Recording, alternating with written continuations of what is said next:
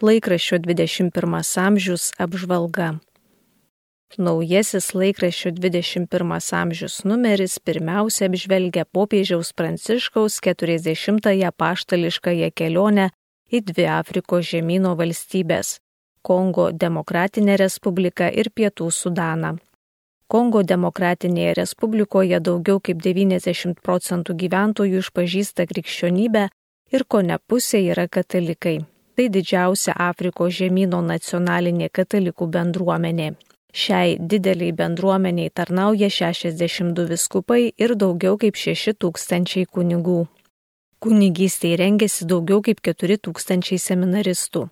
Apie milijoną žmonių antrąją vizito dieną dalyvavo šventosiuose mišiuose nedidelio oro uosto teritorijoje sostinės Kinšasos miesto rytinėje dalyje. Homilijoje popiežius sakė, kad taika ramybė, kuri ir mums dovanojama per kiekvienas mišes, kyla iš Kristaus prisikėlimo, nes jis nugalėjo mūsų priešus nuodėmę ir mirtį ir sutaikino pasaulį su tėvu.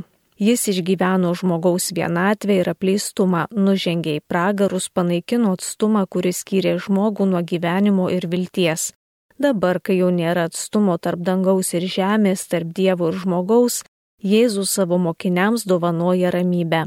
Broliai ir seserys, kai esame su Jėzumi, blogis niekada nenugali, niekada netarė paskutinio žodžio, nes Jėzus yra mūsų taika, kuri visada laimi, kalbėjo popiežius. Jėzaus mums dovanojama taika ir atleidimas bendruomenė ir misija. Laikraštis 21 amžius spausdina įspūdžius iš pašvestųjų dienos minėjimų Vilniuje, Kaune, Panevežyje, Šakiuose ir Žemaičių kalvarijoje. Rasite ir Vilniaus arkivyskupo Gintaro Grušo homiliją sakytą šventosiuose mišiuose už Vilniaus miestą ir jo gyventojus, švenčiant jo 700 metų gimtadienį. Dalyjamasi naujojo užsienio lietuvių katalikų sielovados delegatų arkivyskupo Liongino Virbalo sveikinimu. Laikraštyje pranešama, kad minint ilgamečio Kauno kunigų seminarijos dėstytojo ir dvasios tėvo Monsinjoro Pranciškaus Tamulevičiaus šimtasias gimimo metinės švenčiausios trejybės bažnyčioje raginta teikti liudijimus apie jį kaip klusnų Dievo tarną mūsų užtarėją, nes tai buvo kunigo etalonas švento gyvenimo pavyzdys, į kurį turėtume melstis. Minėjime po šventųjų mišių liudijusieji sakė, kad tai buvo pavyzdingas kunigas, beveik 60 metų ugdės ir skiepijęs meilę beveik visiems Kauno seminariją baigusiems kunigams. Iniciatyva skelbti Dievo tarnu turi eiti iš apačios, todėl visi, kas jį pažinojote, su juo bendravote ir turite ką papasakoti, užrašykite ir atneškite tuos liudijimus į seminariją. Laikraštis 21 amžius išėjo su keliais priedais. Štai priede Provita rašoma, kad pernai Lietuvos keliuose žuvo 120 žmonių, Tai mažiausias žuvusiųjų keliuose skaičius per visą nepriklausomybės laikotarpį. 2022 metais milijonui gyventojų teko 43 žūtis keliuose, pagal šį rodiklį pirmą kartą pavyko pasivyti pastarųjų metų ES vidurkį. 2021 metais vidutiniškai milijonui gyventojų ES teko 45 žuvusieji keliuose. 2020 metais 42. Lyginant visų Europos šalių statistinius duomenis matyti, kad ir toliau mažiausiai žmonių žūsta Maltos, Švedijos, Danijos, Airijos ir Olandijos keliuose. Milijonų iš šių šalių gyventojų teko mažiau nei 30 žuvusiųjų. Užpernai Lietuvos keliuose netekome 148 gyvybių. 2020 metais 175. Pagal šalies regionus didžiausia pažanga pasiekta Tauragės ir Utenos apskrityse. Čia žuvusiųjų keliuose atitinkamai sumažėjo apie 78 ir 56 procentus. Priedė sidabrinė gyja pranešama apie dvi solidžias sukaktis minėjusius senolius. Anikščių rajone gyvenantis partizanas Jonas Kadžionis bėda pasveikintas su 95 metų sukaktimi o Alitaus rajone Rubonyse gyvenanti sesuo vienuolė Danutė Konstancija Saboniutė su 90-mečiu. Išėjo ir laikraštis Katalikas. Jame toliau tęsiami pamokslėliai apie išpažinti, kuriuos parašė kunigas Jonas Paliukas. Jis teigia, jog įprasta, kad išpažinties einame ne tik kaip papuola, bet ir pas ką papuola. Pasižiūrime, prie kurios klausyklos laisviau, prie tos ir einame. Mums beveik visai neturi reikšmės, koks yra nuodėm klausys, bet iš tiesų reikėtų eiti ne tik pas vieną ar tą patį nuodėm klausį. Kodėl taip geriau kunigas kalba katalike spausdinamame pamokslėlyje? Žinoma, daugeliui galbūt neįmanoma turėti savo nuodėmklausi, jeigu gyveno toliau nuo bažnyčios ir kunigai keičiasi, bet miestuose, kur yra du ar daugiau kunigų ir žmogus gyvena netoli nuo bažnyčios, tai visai galima. Kunigas Jonas Paliukas rašo, kad štai sėdi klausykloje trys kunigai, o žmogus tik pas vieną iš jų eina iš pažinties, dėl ko pasirenka tą, o ne kurį iš kitų dviejų. Atsakymą rasite perskaitę kunigo pamokslėlį, o kitame jo vadinamame pamokslėlyje kunigas Jonas Paliukas aiškina, dėl kokių priežasčių žmonės labai retai eina iš pažinties pas vieną nuodėm klausy. Laikraščio 21 amžius apžvalgą parengė laikraščio redaktorius Romas Bacevičius.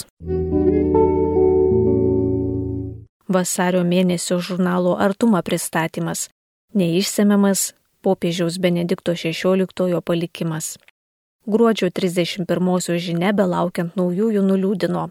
Vatikanas pranešė, kad eidamas 96 metus pas viešpatį iškeliavo popiežius emeritas Benediktas XVI, vienas iškiliausių 20-ojo amžiaus teologų, kurio knygos, homilijos ar paskaitos viso pasaulio katalikams padėjo geriau suprasti Kristų, taigi ir jį pamilti. Pirmoji jo enciklika tapus popiežiumi taip ir pavadinta Dievas yra meilė.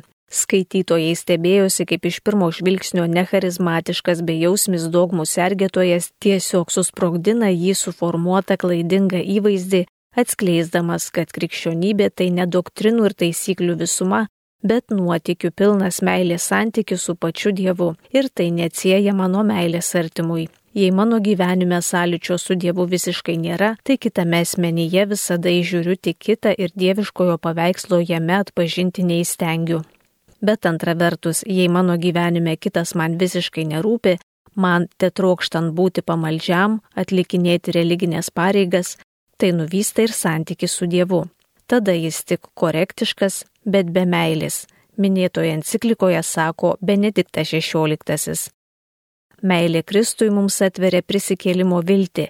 Jei tai reikėtų perteikti vaizdu, tam galėtų pasitarnauti šio mėnesio artumos viršelio nuotrauka. Akimirka iš didžiojo šeštadienio žiburių liturgijos pavargęs garbaus amžiaus popiežiaus veidas, aplink tamsa, tačiau kartu matome šventojo tėvo šypseną ir liepsnojančią žvakę, tikėjimo šviesos, prisikėlimo, šventų Velykų, kurio šioje liturgijoje jau greit paskelbtos simbolį. Simboliška ir tai, kad Josefas Ratzingeris gimė kaip tik didįjį šeštadienį.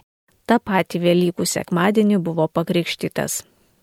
Tad šis artumos numeris be abejo skirtas šiam popiežiui prisiminti. Nors žemiškoji gyvybė užgeso, savo gyvenime Josefas Ratzingeris spėjo uždegti tokią kaitrę smalsumo ir meilės tiesai ugnį, kad tyrėjai nebejoja, ją atras ir prie jos šildysis ištisos katalikų kartos.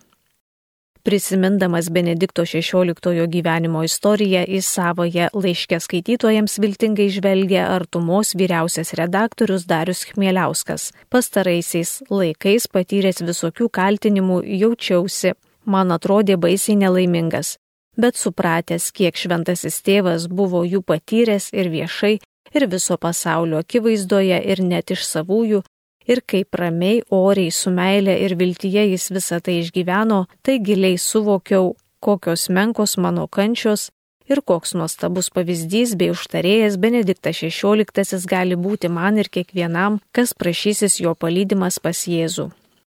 Straipsnyje Bažnyčia pagal Ratzingerį žurnalistas Simonas Bendžius kalbina kuniga daktarą Gediminą Jankūną, profesorę Ireną Vaišvilaitę, profesorių Vytautą Lišauską ir daktarę Nijolę Liobikienę apie tai, kuo bažnyčiai buvo ir tebėra svarbus, aktualus Benediktas XVI.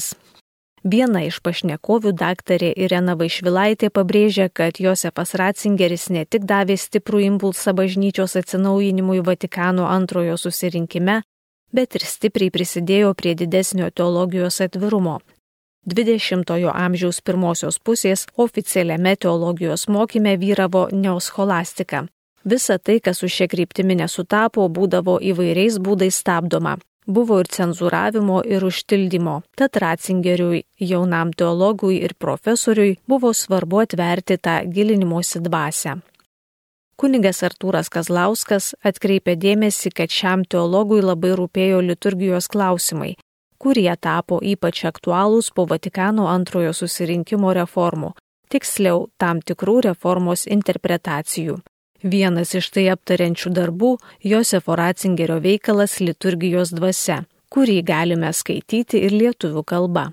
Kai kas šią knygą laiko tiesiog revoliucinę, kuri ilgainiui bus vertinama kaip lūžio taškas katalikų liturgijos studijose ir praktikoje. Ji įkvėpė naują mokslininkų kartą pažvelgti toliau nei didysis po susirinkiminės reformos naratyvas ir iš naujo apsvarstyti liturginės tradicijos pilnatvę.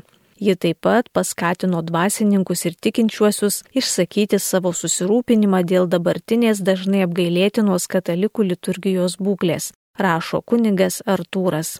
Išsameu jo tekste Dievas visų pirma liturgija pagal Josepą Ratzingerį Benediktą XVI.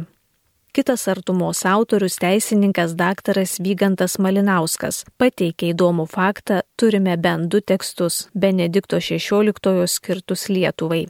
Tai tuo metinio kardinolo Josefo Ratzingerio kalba pasakyta 1996 metais Georgo von Hertlingo medalio įteikimo Kauno arkivyskupui Sigitui Tamkevičiui proga ir 2008 metais popiežiaus Benedikto XVI kreipimasis į Lietuvos ambasadorių jo skirimo raštų įteikimo proga.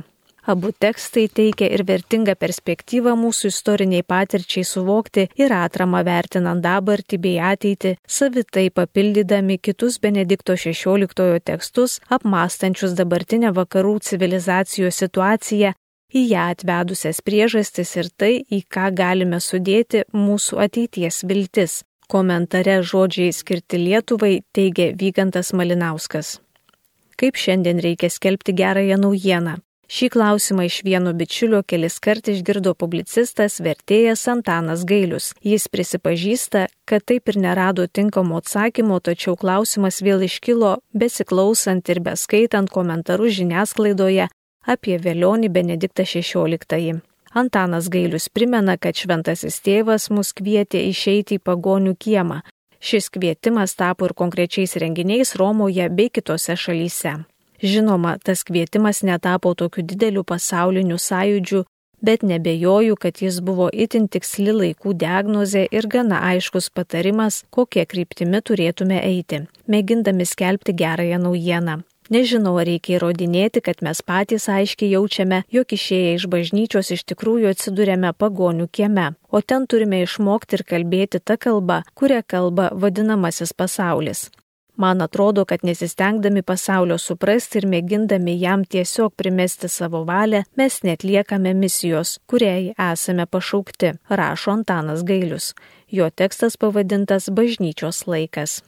Prisiminę Benediktą XVI artumos skaitytojus kviečiame pasigilinti dabartinio popiežiaus Pranciškaus inicijuotą sinodinį kelią bei jo metu kylančius klausimus. Vienas tokių, koks iš tiesų yra moters vaidmuo katalikų bažnyčioje, ką skelbia oficiali linija ir kokią realybę matome kasdien. Skaitykite Simono Bendžiaus ir daktarės Sirenos Eglės Lumenskaitės pokalbio Moters vaidmuo bažnyčioje antrąją dalį. Pokalbis pradedamas nuo pranciškaus sprendimo leisti moterims tapti lektorėmis ir akolitėmis. Kodėl jų praktiškai nematome Lietuvoje? Prisibijome seną tvarką ardyti, vengiant galimo kunigų nepasitenkinimo, tarsi presbiterija būtų pagrindinė jų išskirtinumo garantija. Bet gal nemažiau prisibijoma nepagristos parapijinių aktyviščių reakcijos, kuri mūsųse regis yra svarbesnė už teologiją ir už popiežiaus sprendimus. Todėl šiukštu niekas nekeičiama vis aiškinant, jog žmonės nesupras, sako daktarė Irena Eglė Lumenskaitė. Problemas drąsiai viešumą kelia ne tik artumos pašnekovė, tekste persvarstyti moterų dalyvavimą, iš sinodo žemyninio etapo dabartinio dokumento skaitome apie stiprų signalą, jog visame pasaulyje moteris katalikės jaučiasi, kad bažnyčia jas nepakankamai vertina. Iš visų žemynų sklinda raginimas kad katalikės moterys pirmiausia būtų vertinamos kaip pakrikštytos ir lygiateisės Dievo tautos narės. Beveik vienbalsiai tvirtinama, kad moterys labai myli bažnyčią, tačiau daugelis jaučia liūdėsi, nes jų gyvenimas dažnai nėra tinkamai suprantamas, o jų indėlis ir charizmos ne visada įvertinamos. Šios ir kitos temos vasario artumoje.